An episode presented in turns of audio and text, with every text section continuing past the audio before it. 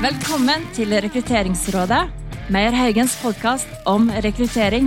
Dette er podkasten hvor vi samler dyktige fagpersoner for å diskutere hvordan vi kan gjøre rekruttering bedre.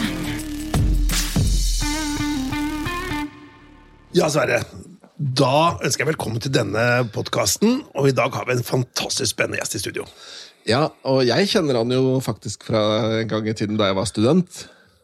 På På BI. Ja, og jeg har også dumpet borti han i mange sammenhenger, men grunnen til at vi har han med i dag, det er at han er eh, ansvarlig for en veldig spennende rapport eh, som handler om eh, arbeidslivet.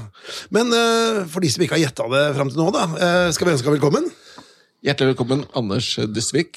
Tusen hjertelig. Og du er professor i organisasjonspsykologi ved BI. Det stemmer. Ja. Og, og så har du som sagt skrevet denne rapporten. Hva heter denne rapporten?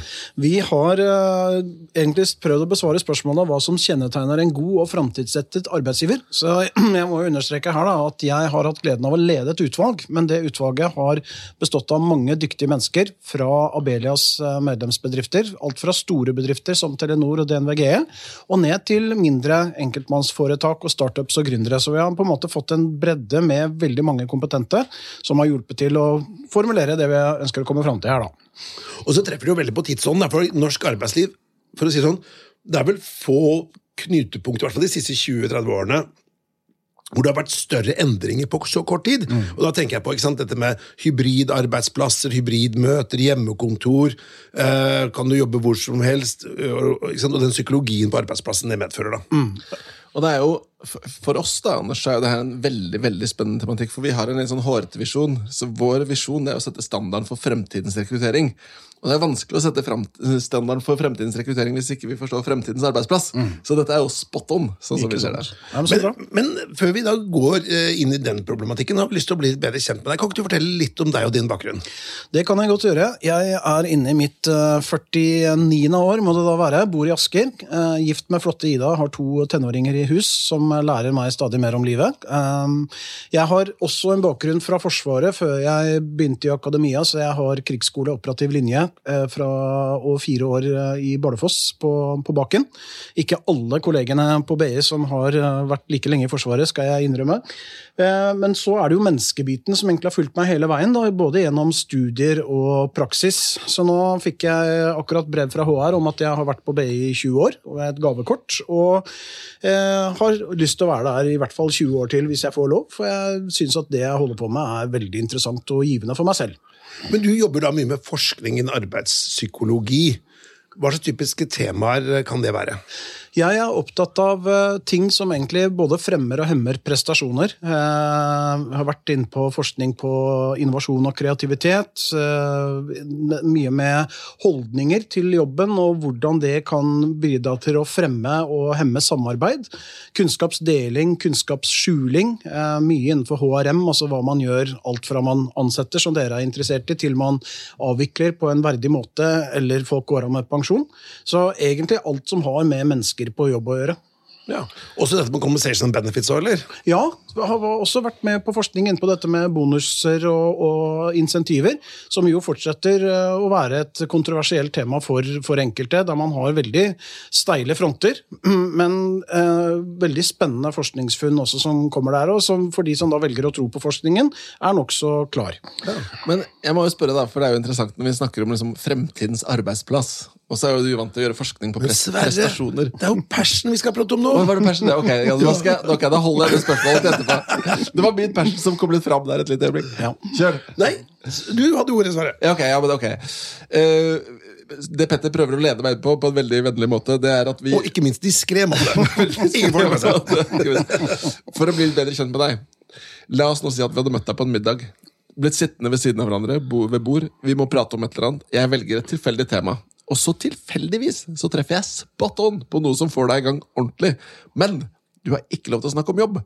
Hva er det jeg skulle valgt å tilfeldigvis snakke om da? Ja, da er det, det er flere ting. Altså, jeg, jeg tror jeg er kanskje en sånn litt en, si, lett middagsgjest, for det er mange ting som trigger meg. Jeg er veldig glad i musikk, og da i alt som går fra Rammstein. Jeg skal på, jeg skal på, Ram, jeg skal på Ram, Rammstein-konsert nå i Gøteborg sammen med en eh, kompisgjeng. Eh, Det gleder jeg meg veldig til. Mitt favorittband. Fantastisk. De kommer til sommeren til uh, Valle Hovin. Ja, men det ble utsolgt før vi rakk å hive oss rundt. Vi måtte Kanskje vi har en liksom- ekstra billett? Jeg, Ja, jeg, har, jeg har ti billetter. Jeg blir med. Vi var jo, Jeg og Petter var på Rammstein-konsert, og det er det råeste åpningsscenen jeg har sett. På. Ullevål stadion. Ja, herlig. Nei, Jeg har vært på 73 ganger. Første gangen på Roskilde, helt tilbake på 90-tallet. Så da var jeg frelst. Men samtidig kan jeg også sitte en kveld og høre på Mozart. Eh, eller kanskje litt dystre hvis jeg skal inn på Chopin, liksom, hvis jeg kjenner at det er tiden for det. Så jeg er veldig brei på musikkfronten. Jeg elsker jakt og fiske, friluftsliv, gå tur i fjellet. Eh, jeg var veldig dedikert eh, maratonløper for noen år tilbake, så jeg har løpt eh, seks helmaraton. all verden, Eh, så og hadde ett år med Ingrid Kristiansen som personlig trener. Det var ganske morsomt. Det hørtes litt røft ut, egentlig. og så er det, men Hvis jeg virkelig skal kose meg, så er det jo fotball. Som jeg også kan sette meg ned og Det er det vårt kjære Vålerenga. Er, Vi kan være enige om at Vålerenga er et veldig bra lag. Det er vi helt enige i. Men for oss som ikke er interessert i fotball, så må jeg spørre deg, hva er det beste laget i Premium League? Nei, altså På tabellen nå så er det et eh, kjøpelag fra et eh, arabisk diktatur som ligger på førsteplass, men rett bak så ligger det et lag med stolte røtter fra der hvor elva Liffi renner ut. Altså, jeg, eh, i jeg, vet, jeg aner ikke hvem du snakker om. Så det, det laget som jeg da har fulgt siden 1979, det er Liverpool, som er på en måte laget mitt. da. Og der er jo Petter og jeg ikke helt enige foreløpig. Han, han liker en by som er oppkalt etter Kordfløyel, som ligger litt lenger opp i elva. Men, eh, men det er bra, det òg, altså. Ja, Du blir stille, Petter. Nei, altså, jeg må si at uh, når du holder med United, da, så er vi nede i en liten bølgedal nå, det er lov å si. Eh, og Liverpool de har flydd høyt de siste årene, så det er egentlig, den skal du bare få. Den skal du bare få. Men, Men et veldig bred, bredt interessefelt, da, Anders. Ja, Så jeg tror vi hadde hatt masse å prate om uh, den middagen. Ja. Ja. Ja, det tror jeg også. Herregud. Eh, men jeg tenker at det, altså Bare for å sette scenen nå, da, så er det en tidsånd. Vi jobber jo med rekruttering, og det vi merker nå, er at vi merker den største boomen i arbeidslivet, både offentlig og privat, som jeg kan huske. Jeg holdt på med rekruttering nå i over 20 år, og jeg har ikke vært borti maken til etterspørsel etter arbeidskraft. Både hva skal si, høyt kvalifiserte, men også de som har mindre både utdanning og erfaring på baken alle, mange rapporter internasjonalt peker på det at mangel på arbeidskraft av alle kategorier er den største trusselen mot økonomisk vekst og, og velferds- og velstandsutvikling da, i egentlig hele verden. Så øh, Kjenner du deg igjen i den beskrivelsen? Ja, og det er jo en av de tingene vi faktisk også tar opp i, i rapporten, som vi kan komme tilbake igjen litt etterpå. Dette gapet mellom de tjenestene som det er ønskelig at man skal kunne levere, og den tilgjengelige arbeidskraften som man har. Og det er, en, det er jo en veldig flott situasjon å være hvis man er arbeidssøkende nå, men samfunnsmessig så er det faktisk en ganske alvorlig situasjon, fordi vi kan jo risikere å komme i en situasjon der dette gapet, som noen kaller haikjeften, blir for stort. Men, men da må jeg spørre deg, for det var det jeg skulle litt inn på i stad, når, når jeg var litt ivrig før vi snakka om uh, passion. Nettopp. Så, så har jeg lyst til å spørre Hva er definisjonen av, av en god arbeidsplass eller fremtidens arbeidsplass? Fordi nå snakker vi om sant, mangelen på kompetanse, som er stor, og som kommer til å være stor fremover. Ja. Samtidig, hvis du går ut og snakker med jobbsøkere, så tror jeg mange vil si at ja, det er faktisk fremdeles veldig veldig vanskelig å finne jobb. Så det er ikke noe lett, jeg tror ikke det opplevelsen er at ja, nå er det plutselig blitt lett. Nei. Ikke sant? Så når du forsker eller ser på fremtidens arbeidsgiver, hva er definisjonen, da? Det vi da måtte gjøre i utvalgsarbeidet, det var litt eh, kult at jeg kom opp på, fordi vi var så engasjerte og dedikerte første brainstorming-samlinga som vi hadde. Så det var først når vi hadde fått summet oss litt, og det blei liksom stille eh, etter det første møtet, så kom vi på at men nå har vi diskutert det her liksom en halv dag, men vi, har, vi er jo ikke omforent på en definisjon. Så det starta vi møte to med, og da kom vi fram til en sånn litt sånn spesifikk definisjon som vi forskere må prøve å ha, da, hvor vi sier at en, vi skriver til og med, en god og framtidsrettet arbeidsgiver, det er en arbeidsgiver som tilbyr en engasjerende og attraktiv plass å jobbe for ansatte, der arbeidsgiver når sine egne mål, samtidig som man bidrar til samfunnsutviklingen og samfunnets interesser ivaretas. Ok, Men, men fremdeles, fremdeles et fokus på samfunnet, ikke på arbeidstaker. Det er, vi, vi har altså arbeids, eh, en attraktiv, engasjerende og attraktiv Ja, plass å jobbe for de Ja, ansatte. stemmer det, sa du. Ja, så den er med. Så vi, vi kjører grand piano her. Altså. Her kjører vi ansatte, arbeidsgiver og samfunnet. Ja, så du, ja, ikke sant? For, for du må være noe mer enn bare deg sjøl. Ja. Det er bedrifter som har en visjon utover det å bare tjene penger til eierne. Ja. Og det, det framkommer nå altså Jeg er veldig skeptisk til sånn generasjonsforskning, eh, fordi den er ganske begrenset eh, og ikke så sterk eh, på metodesiden. Men det som vi vet fra studier av yngre som nå er arbeidssøkende, det er at dette med å tilby arbeid med mening, som er en av de definisjonene som vi kommer også fram til aspektene i rapporten, er nesten nødvendig. Ser det ut til at folk skal være interessert i å gå inn på stillingsannonsene og interessere seg for, hvis man har valg mellom flere. da. Ja. Men, men kan ikke du Anders, kan ikke du bare gå igjennom liksom, liksom, hva er hovedfunnet dine? Eller egentlig er hovedfunnet det er spørsmålet igjen. Og, og liksom, var, det noen, var det noen overraskelser dere fikk i denne rapporten?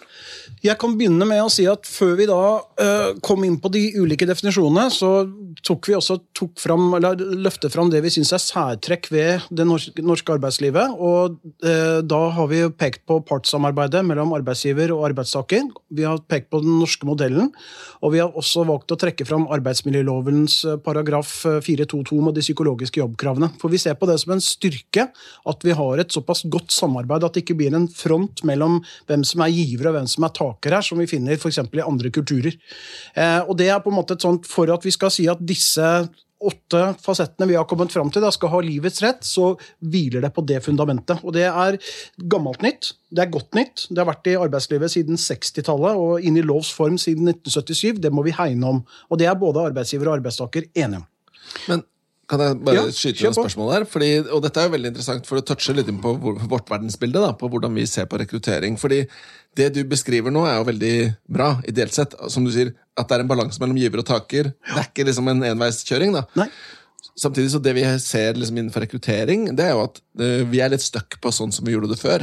Når det var egentlig mer at arbeidstaker skulle komme med lue i hånda, og så skulle arbeidsgiver sitte med alle korta og bestemme om du er rett eller gal til den jobben. Eh, Men i dette arbeidet så har dere tenkt på det som en balansert samarbeid. da. Vi har tenkt på det rett og slett som et samarbeid der to parter innser at det er behov og ønsker på begge sider, og at man må komme fram til løsninger som begge kan leve med. Ja. Eh, som jo i andre deler av verden ser dessverre ut til å være fraværende i disse dager, men som er en, en veldig fin måte å, å prøve å leve sammen på. Men hvis du skulle, En person som da, hvis du skulle gitt et sånn executive summary av rapporten, da, Ja. hva er funnene? Funnene er ingen store, overraskende sånn stopp pressen, wow, du tuller. Fordi på en måte mye av det vi har kommet fram til, oppsummerer jo egentlig veldig robuste forskningsfunn, samtidig som vi liker å tro at denne rapporten kan bevisstgjøre. Og det som er litt gøy å se, før jeg da på en måte avslører de, de selvfølgelighetene vi har kommet fram til her, det er at de som da er fra et praktisk perspektiv, og forskningen viser seg å harmonere veldig. Det var mulighet for akademia og praksis å komme til enige om at dette er viktig. Og det er jo en syretest på treffer man dette her, da. Så de punktene vi har trukket fram, det er at en god og framtidsrettet arbeidsgiver har det vi kaller en eksperimenterende tilnærming til endring. Og det betyr, Dere fortalte meg når jeg kom her i dag, at dere jobber litt ut ifra sandkasseprinsippet. Dere tester noe i sandkassa. Hvis det funker, så beholder dere, og hvis ikke, så renser dere ut av sandkassa. Det er nettopp den type prototyping, eh, pitching, som vi anbefaler at man ser på endringsprosesser på. ja. Det var bra. Sjekk på den. Ja, Ja, ja, så der, er det én. Én av åtte. Og må jo si det det har jo vært en forferdelig situasjon vi har vært inne i med denne pandemien, men når man får det litt på avstand, eh, og vi begynner på en måte å få stabilisert, så kan vi jo se tilbake på at dette er jo også et vanvittig sånn arbeidslivseksperiment som vi har vært igjennom. Jeg tror, eh, jeg kan i hvert fall snakke på egne vegne og på egen arbeidsplass. Vi har tatt syvmilssteg på den digitale stigen som jeg tror det ville tatt mye lengre tid å komme til hvis man ikke hadde vært i den nullsummesituasjonen. Du har ikke et alternativ. Ja, helt klart. Så Det er den første. Det andre det er eh, betydningen av å utøve tillitsbasert ledelse. Der har vi oppsummert ledelsesforskningen som nå begynner å nærme seg 100 år. og Vi kommer da fram til at eh, ledere som da tar som utgangspunkt i at det store flertall medarbeidere vil respondere positivt på å bli ansvarliggjort, da skal man ansvarliggjøre de og behandle de deretter. Og Så får man heller ha unntak da, som ser ut til å være kreative i form av regelverk og, og melde flytting og den type ting. Da må de håndteres som enkeltpersoner og unntak, og ikke som en hovedregel. Men interessant eh, kommentar på den der. Det er, det er, dette er et annet studie, men et McKinsey-studie som jeg så, som jeg synes var veldig interessant, hvor de så på hvorfor slutter folk, Ja. versus hvorfor tror ledere at folk slutter. Ja.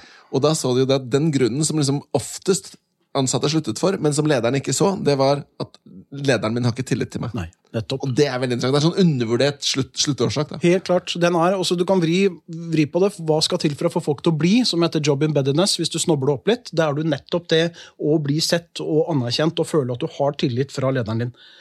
Eh, og den er spesielt viktig for de som nå skal onboarde nyansatte, i og med at dere er i den bransjen også. Altså, studier tyder på at de første 90 dagene, eh, hvis man da har ledere som går liksom all in for å si at, liksom at du er senter i universet hos oss, og vi setter så utrolig stor pris på at du har kommet til oss, etter de 90 dagene, da begynner du å komme inn og etablere nettverk og bli trygge og kjente og sånne ting, men da har du fått med deg en vanvittig sånn god altså det var, You never get a second chance to make a first impression. Det står seg også veldig godt forskningsmessig. Det tredje punktet er dette med å legge til rette for mangfold og inkludering. Vi har både sagt dette med det internasjonale arbeidslivet. Flere i utvalget har eh, jobber og hjelper eh, folk som kommer kanskje fra eh, andre deler av verden til Norge, enten i form av at de elsker mørketid, eller pga. kjærlighet eller pga. jobbmarkedet. Hvordan får man da mennesker til å etablere seg, som kanskje har ikke norsk som førstespråk, og som kanskje har et eh, annet klinknavn etternavn enn Hansen. Og det andre er også er at vi, vi prøver da å få mest mulig av den arbeidsevnen som folk har, til å være en del av arbeidslivet. Så i stedet for å si at nei, du har 64 arbeidsevne, da blir du uføretrygda, så kan man heller da si at du har 64 arbeidsevne, det er supert. Da skal du bidra med de 64% så skal vi være fornøyd med det. Stormberg har jo blitt brukt som eksempel også tidligere på noen som gir folk en ny sjanse, som kanskje har litt hull i CV-en. da. Så har vi å tilby arbeid med mening. Er det, er det fireren? Det er, eh, Har vi kommet til fireren eller femmeren? Dere får holde tellinga her. Eh, og Det går jo rett og slett på at man tilbyr arbeidsoppgaver som oppleves som betydning for arbeidstaker og andre, og at man også evner å sette det litt inn i en større sammenheng. Og Her er jo tilbake til Karl Marx, som snakket om på en måte faren for fremmedgjøring på arbeidsplassen allerede på 1840-tallet. Så det er altså gammelt nytt, men å kunne skjønne at jeg bidrar til, som en i utvalget sa, jeg hugger ikke stein, jeg må bygge katedral. Ja, men øh, og igjen da, Hvis jeg får lov til å ta et sånn oppfølgingsspørsmål. Dette er jo individuelle ting. Hvis vi ser på de klassiske feilene mange gjør i en, i en stillingsannonse, da, det er f.eks. å si ja, vi kan tilby deg et arbeid med mening. Ikke sant? Men hvordan vet jeg hva som er meningsfullt for deg? Det er akkurat det. Det kan være noe annet enn Det er akkurat det. Så det, og Da er vi inne på det vi kaller psykologisk kontraktsforskning, som jo går på at en av de tingene man virkelig bør gjøre, er jo rett og slett å gjøre det Depeche Mode synger om. Let you show me the world in my eyes. Altså, Dette er mening for meg, dette er viktig for meg, slik ser jeg det. Og så hjelper det å få den koblingen. da. Så det er ikke your own personal Jesus, altså. Nei, det kan det bli, rett og slett også. Uh, det, er, det er mulighet for det. Anders koser seg med musikkmetaforene. Det er veldig, veldig bra. Så har vi da neste, for å holde tellinga her, det er da at vi har et arbeidsmiljø som preges av psykologisk eh, trygghet, altså psychological safety-forskningen til Amy Edmundsen og kolleger, hvor man da rett og slett eh, skaper trygghet til å være seg selv, og viser at det også er trygt å innrømme feil. Vi har eh, beskriver også det i rapporten med betydningen av å erkjenne at eh, både ansatte og ledere er feilbarlige mennesker, som kollega Øyvind Kvalnes ville sagt. Og da må vi heller tørre å være åpne om feil og begrensninger, fremfor at man prøver å skjule de. Og det er flere årsaker til det. Det er lønnsomt å unngå å gjenta feil. Og det andre er at i feilen så ligger det også en potensial for innovasjon. Jeg må bare si det veldig kjapt. Vi var og besøkte Spotify, Arne Karlsen og jeg, for noen år tilbake. Der har de noe som kalles failure board. Det synes jeg er et veldig kult konsept. Midt i utviklerrommet, mellom kaffe og do, så er det et sånt eh, board der man har hengt opp hva man har prøvd, hva som gikk gærent, hva man har lært av det, hvem som kan kontaktes. Og de fortalte oss at en god del av de beste innovasjonene til Spotify-appen kom fra at noen hadde gått bort der, tatt en kaffekopp og latt seg inspirere av andres feil, og så hadde gått til den er personen som gjorde feilen i utgangspunktet, og så fant de en bedre løsning sammen. Dette kunne jo vi gjort, egentlig, Petter. Tatt alle de tingene vi har testa og Vi kastet. gjør jo ikke noe feil. Nei. Nei, men, men men Ref Sandkassa, vi har jo testa masse ting som vi har Ja, kasta. Ja. Ja. Nei, ikke sant? Og, det, og gapestokken ble avskaffet i 1840 i Norge. Ikke sant? Jeg tror siste personen som ble satt på utsiden der, var i Moss. Så skam dere alle sammen fra Moss som hører på dette her. Eh, men, så men det er ikke snakk om en gapestokk. Det er mer snakk om at uh, kanskje ledere går foran, og de er de første på en måte som innrømmer og forteller om sine feil. Eh, for da skaper man trygghet for at andre kan gjøre det også. Jeg leste, jeg leste eh, lederen til Klassekampen i går med Bjørgulf Brånen. Ja, jeg tok feil, var, var ja. lederen hans. Og det, det gjorde han, og det er veldig flott at han også innrømmer det. Ja. Det fins jo eksempler på de som da ville brukt lang tid på å prøve å bortforklare seg, og det ender som regel veldig dårlig. altså. Det gjør det. Men er det, noe, er det noen enkel eh, oppskrift for en leder for å skape psykologisk trygghet hos en ansatt? Det er jo en sånn tillitsreise, men det begynner jo også med denne, dette første møtet. Jeg syns jo Ivar Krogerud fra Confirmit gjør noe veldig kult, eh, som han fortalte meg når vi, jeg møtte ham på BI her eh, for noen år tilbake. Han har det han kaller bruksanvisning for å jobbe med sjefen.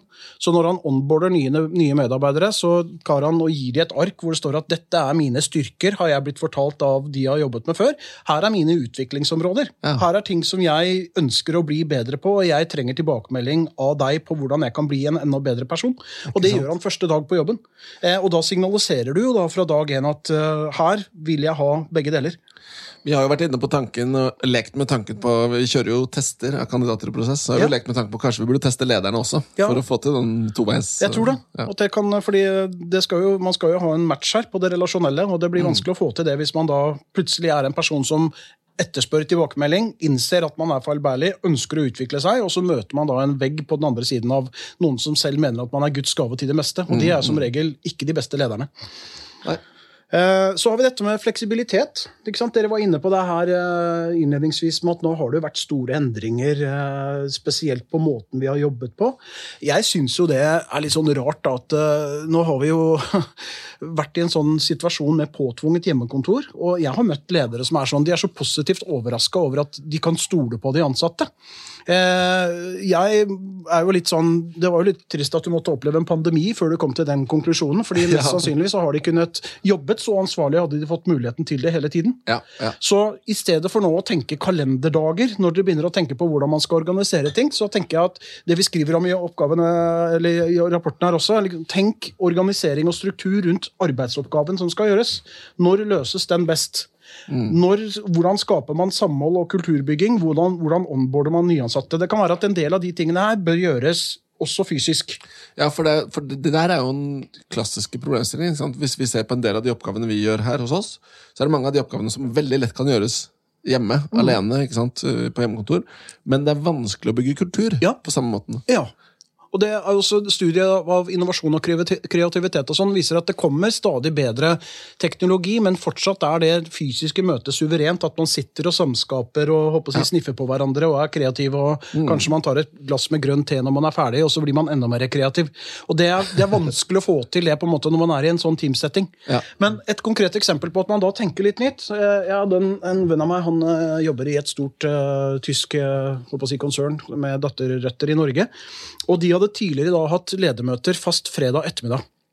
Han innførte i pandemien nå at det ledermøtet det ble flytta til onsdagslunsj.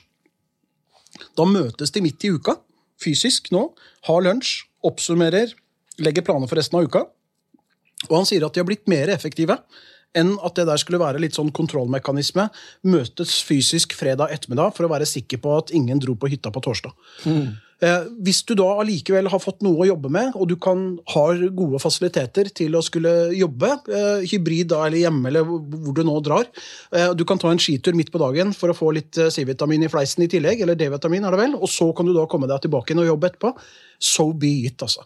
Så de, Dere var inne på det med på en måte kamp om arbeidskraften og den type ting. Jeg tror de som nå setter seg inn i eh, denne Loran-bilen til eh, Michael J. Fox og drar tilbake til fortiden, de kommer til å slite med beholde på folka sine, fordi nå har folk fått smaken på mer fleksibilitet. Det må balanseres, det også, sånn at vi får til kulturbygging og alle de tinga. Men vi må heller stille spørsmålet hvordan kan vi skape en arbeidsplass som gjør det attraktivt å komme på jobb, og hvordan kan vi også tillate de å få lov til å jobbe godt digitalt, hvis det er tidningen. Altså, jeg synes det er veldig spennende å høre på deg, Anders, eh, på så mange vis. Det er i hvert fall det med hjemmekontor som var det siste vi pratet om, den fleksibiliteten. Da. Så tror jeg det har vært en tror det har vært sånn veldig mange arbeidstakere da, som har ønsket fleksibiliteten. Og så er det en del arbeidsgivere som tenker å, ikke for at de mistror folk, men de ser ulempene ved at i forhold til kulturbygging, man ser i forhold til nyansettelser, man ser i forhold til den der, at man lærer av hverandre. For det er jo en høyere terskel å ta kontakt via Teams og telefon enn bare som hvis man møtes over kaffeautomaten. da. Helt klart. Og så leste jeg også en forskning som går på at de som er mest interessert i hjemmekontor, det er de mer erfarne arbeidstakerne, for de, blir, de vil ikke bli forstyrra. De vil gjøre jobben sin. De, jeg trenger ikke noen kolleger å gjøre det, jeg fikser det. Mens de nyansatte og ny, nye arbeidslivet, de er helt avhengig av den der on the job training. da. Ja.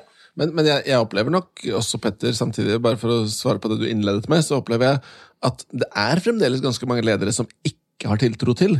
At folk som, som tenker at ja, men hvis vi slipper det fri, så vil folk bli litt latere. De vil kanskje game litt i lunsjen istedenfor å jobbe. Liksom, at, det er, at det er en manglende tiltro da, til Ja. Manglende tiltro. Men, men sånn, samtidig erfaringen nå på produktivitet uh, de siste to årene er jo at i veldig, i veldig mange av tilfellene så har den gått opp. Folk har vært mer effektive og mer produktive. Jeg tror det du tar opp etter også med de mer erfarne, der har vi et ansvar som arbeidsgivere og ledere å klare å tenke den der betydningen av egen jobb for andre.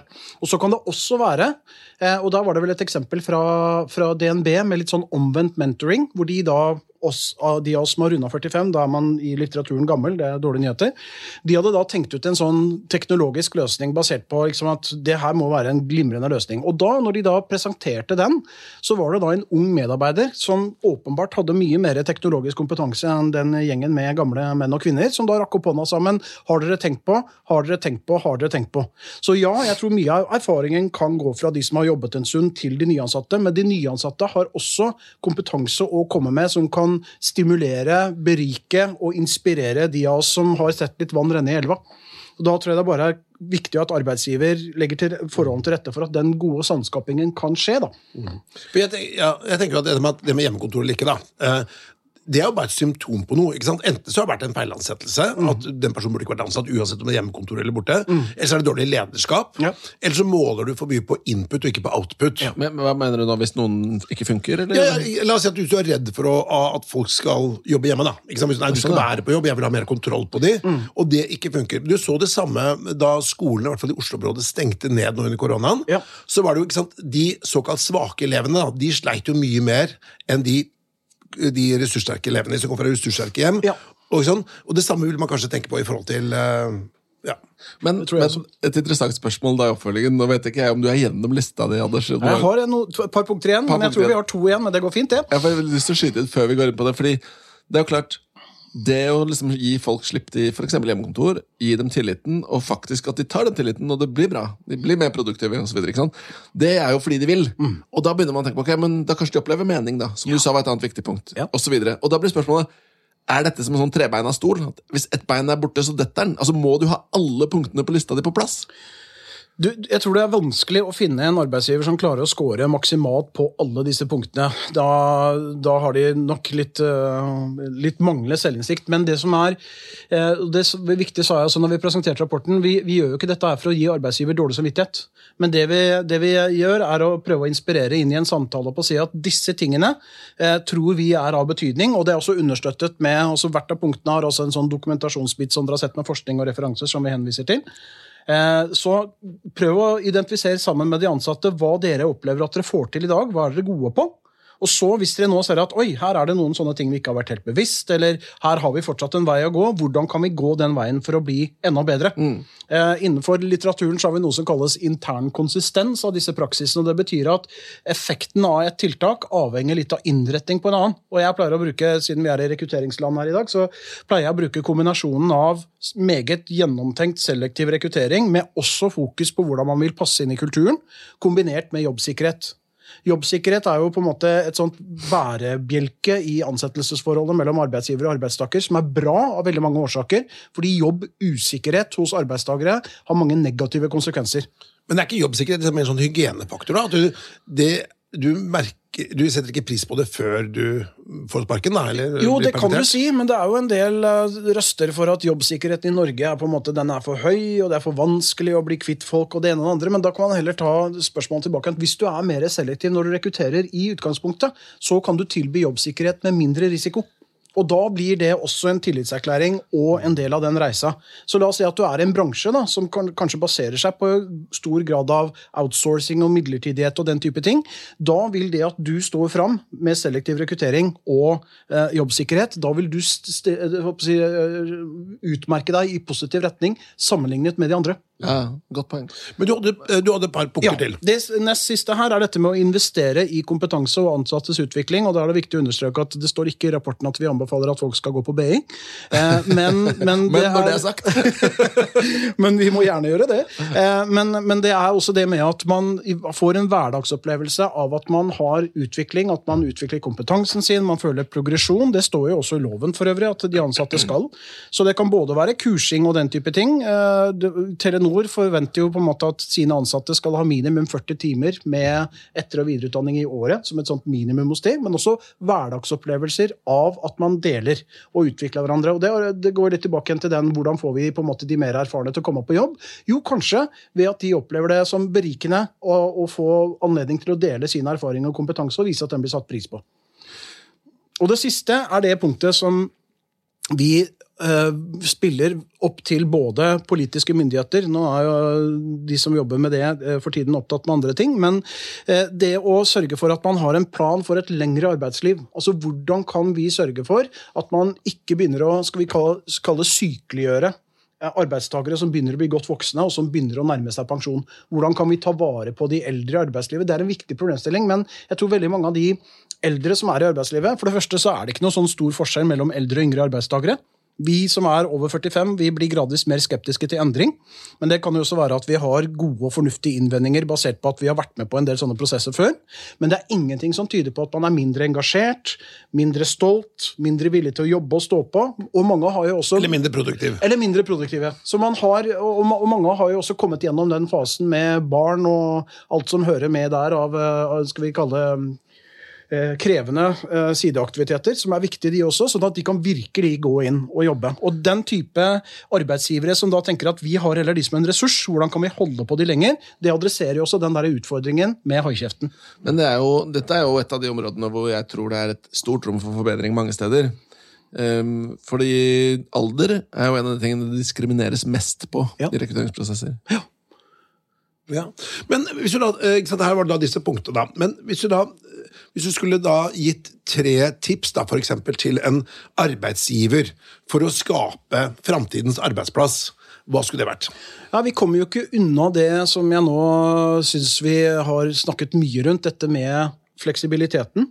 Med å ta med seg de tingene som man har positiv og gode erfaring med nå i det store pandemiske eksperimentet. Det andre jeg vil eh, råde gi, det er å tenke nøye gjennom hvilke praksiser og strukturer og rutiner ser ut til å forhindre og begrense praktiseringen av tillitsbasert ledelse og psykologisk trygghet og arbeid med mening. Hva er det som man gjør som egentlig er ikke til hjelp, kanskje litt sånn til hinder? Er det en, kontroll og det kan være en kontrollmekanisme, en rapporteringsmekanisme. Det kan også være en sånn helt Dere nevnte og prøvde å erte på litt sånn bonus og insentiver her innledningsvis. Altså, la oss si at man har et kursopplegg da, der man tenker at vi skal, her er det team, her er det gruppelæring, her er det enheten som skal jobbe sammen og gjøre hverandre gode. Nils Arne Eggen ville sagt det, kanskje han er med oss i dag også. Eh, og så kommer man tilbake på hverdagspraksis med individuell kontroll, individuell måling og individuell bonus. Da er det et brudd mellom det du lærer og det som praktiseres i hverdagen. Prøv å eh, nullstille og jevne ut sånne brudd. Og det tredje punktet som jeg har lyst til å få lov til å nevne, det er jo denne utfordringen med hvordan vi kan få de ansatte til å ønske å være i jobb og være lenger i jobb, som kommer nå som en bombe. altså. Når vi tre skal sitte på pleiehjem og kose oss og se på fotballkamp og være enige om at Vålerenga er et bra lag, eh, da må vi faktisk ha noen som kan passe på oss og sørge for at alt rundt går rundt. Og vi er ikke der ennå. Men, men, men men unnskyld, Hvis vi skal si at okay, dette var det tre tips til arbeidsgiver. Vi skal Ja. ta tre tips til arbeidstaker. da. I Text to Tango for mange så hører man jo alltid krav til arbeidsgiver. Er arbeidsgiver som hadde ansvar for å lage god arbeidsplass. Men det er det også, men ikke bare. Ja. Nei, altså arbeidstaker, da er det jo selvfølgelig eh, når man er i, eh, i den eh, prosessen å finne kanskje en ny arbeidsgiver. Eh, se litt tilbake nå i speilet på hvordan har du blitt behandla i løpet av pandemien. Det er jo noen arbeidsgivere som har vært veldig tydelige og gått ut og sagt at her blir det ikke permitteringer. Det siste vi gjør, er å begynne å, eh, å si, fyre folk. Eh, da er det et signal om at dette er kanskje en person som er med deg i gode og onde tider, så tenk deg nøye om om det gresset er grønnere på den andre siden.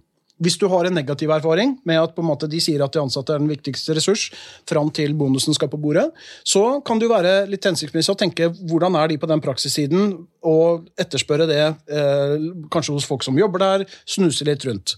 Lett etter det med fleksibilitet. Eh, som eh, er viktig også fra arbeidsgiversiden, men altså sørg for å få den arbeidshverdagen som du fortjener. Der ikke du har ledere som er opptatt av om det er mandag eller fredag, og det gir føringer for hvordan du skal kunne jobbe godt, men som signaliserer også at her er det mulighet for å jobbe fleksibilitet.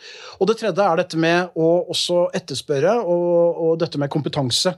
Eh, videreutdanning, kontinuerlig utvikling. For jeg tror at den teknologiske utviklingen vi nå ser, med muligheten for å jobbe stadig mer digitalt og hybrid og sånne ting. Dette er bare starten. Så da må vi ha eh, arbeidsgivere som da signaliserer til arbeidstakere i alle aldre at du går ikke ut på dato. Eh, du bare håper å si, endrer litt sånn fasong. Eh, og så skal vi tilpasse på en måte investeringene der ut ifra det. Men jeg har lyst til å spørre deg, for det, hele tematikken her er jo kjempespennende. Vi kunne hatt mange podkastepisoder om flere av de temaene vi har vært innom nå. Og så forstår jeg sånn, Her har dere jobbet forskningsbasert, men koblet på næringslivet. Men veldig mange av disse tingene her handler jo om nå setter jeg på spesielt, liksom meg som ansatt. Mm. Har dere også hatt på det, har, har det vært med folk som er på en måte, har det perspektivet Inni Ja. i arbeidsgruppen? Vi har hatt begge. så det Vi har gjort er at vi har både da arbeidstakerperspektivet representert, vi har hatt arbeidsgiverne inne, og så hadde vi også da Vi hadde jo en konferanse på Lysebu, som jo kom i mediebildet også pga. da Omnikron kom til Norge. Men på den konferansen så la vi frem utvalgets foreløpige funn til alle deltakerne, og så inviterte vi til idédugnad. Er det noe vi har gått glipp av her? Er det noe på en måte som dere ser overflødig? Er det noe på en måte vi bør legge til?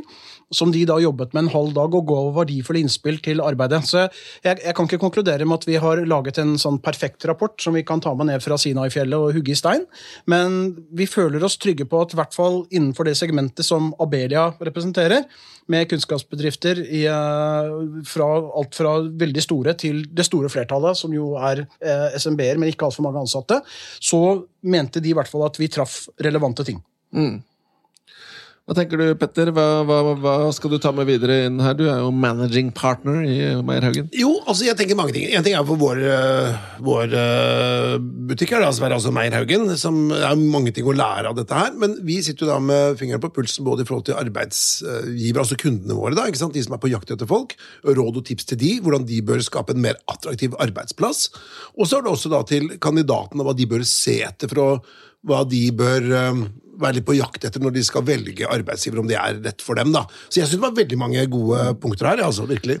Vi ser jo for eksempel nå i løpet av pandemien på Finn, så har de jo nå, Før så hadde du jo geografisk lokasjon, så hadde du ulike fylker og kommuner. Og så, nå har du lagt til eh, hjemmekontor som en lokasjon. da. Akkurat. Så det skjer ting. Ja visst. Og det er jo spennende av mange årsaker da, fordi da er det på en måte ikke det der pressområdet at alle må bo eh, innenfor eh, ikke 10 km radie. Ja. Men et, et siste spørsmål. Ja. Vi var inne på det der med compensation and benefits, altså eller lønn og goder og frynsegoder og sånt noe. Eh, hva, hva sier forskningen om bonus? Og eh, ja, ja, bonuser generelt. Forskningen om bonuser generelt, og det er jo en egen podkast, vet du, og kanskje en seminarserie eller to, og da vet du at det er litt sånn steile fronter der ute også mellom eh, hva man mener og hva man mener er riktig. Men den korte versjonen det er at eh, bonus, og da i form av individuell variabel bonus, der ser vi at innretningen på den eh, og effekten av den, da spesielt innsatsfremmende, begrenser seg til nokså trivielle, snevre oppgaver. Så, så det funker ikke for kunnskapsmedarbeidere som må jobbe sammen? er det du sier? Nei, fordi det som ofte da skjer, eh, er jo at eh, sånne ting som samarbeid, kunnskapsdeling, eh, jobbe på tvers, det blir mer krevende å få til i et regime der du blir målt og blir avlønnet individuelt. Så da er vi rent tilbake igjen til La oss si at du er en enhet med fem, seks, syv stykker, og alle er enige om at de seks andre som er der, er hva de kaller det, hel ved, kan stoles på og jobber bra. Det er jo risikoen mye mindre med å si at vi har et skjebnefellesskap her. Det vi soper inn sammen, det tar vi en, en teller-nevner-versjon på, som man kan fullføre ungdomsskolen, og så er det summen man får. Eh, komplettert med en konkurransedyktig fastlønn. Så, men hvis du da tenker det å bare ha et bonussystem i det hele tatt da. En ting er det som du sier, individuell bonus versus gruppebonus. og Da får jeg at gruppebonus er bedre enn individuell bonus, som regel. Mens, la oss si at Kan man ikke bare gi en bare høy fastlønn, da? Man kunne jo det, men da, det som er litt risiko med det, er jo at da, det påløper jo en del faste kostnader som på en måte ikke tar hensyn til svingningen i markedet. Så da blir det heller kanskje sånn at man kan tenke seg en, en kombinasjon av en gruppebonus, kollektiv bonus, med en fastlønn. Eh, Der de årene det går bra med selskapet, så blir da den overskuddsdelingen eh, mer, eh, litt større, og i noen tilfeller så blir den litt mindre. Men at man ikke er så på en måte markedssensitive. Eh, nå har jo tematikken og rapporten handler om fremtidens arbeidsplasser. Så er jeg helt sikker på at det er mange som lytter der ute, som sitter og tenker at om det har jo jeg også lyst til å være. Hvis noen har lyst til å dykke mer inn i det som står i denne rapporten, hvor finner man den? Da går man inn på Abelia sine nettsider, eh, og jeg regner med at det er da nettadressen abelia.no. Og så er det en eh, fane der som da heter eh, 'Hva kjennetegner framtidens arbeidsgiver?' eller noe sånt. Som, Jeg kan si det helt korrekt. Ja. Ja. Det er abelia.no slash innsikt slash rapport. Perfekt. Slash. Og i, Slash, slash, slash. og i dag, i tillegg til alle disse slashene som minner meg om Guns N' Roses, så er det jo da også en serie med frokostseminarer som Abelia skal arrangere nå denne våren, der hvert av deltemaene for rapporten er tema for frokostseminaret, der man kobler litt eh, forskning, men da også med illustrasjoner fra ledere og organisasjoner eh, innenfor Abelia som prøver å jobbe langs de retningslinjene som vi anbefaler. Riktig. Jeg tenkte vi skulle gå inn for landing her. Altså, vi- dette kunne vi jo prate om en, eh, en hel dag. Eh, Men jeg har lyst til å bare takke deg, Anders Dysvik, professor i organisasjonspsykologi ved BI. Eh, Fantastisk spennende. Alltid jo hyggelig å prate med deg. og dette her er jo superrelevant, både for oss, Sverre, men også både for arbeidsgivere og arbeidstakere der ute.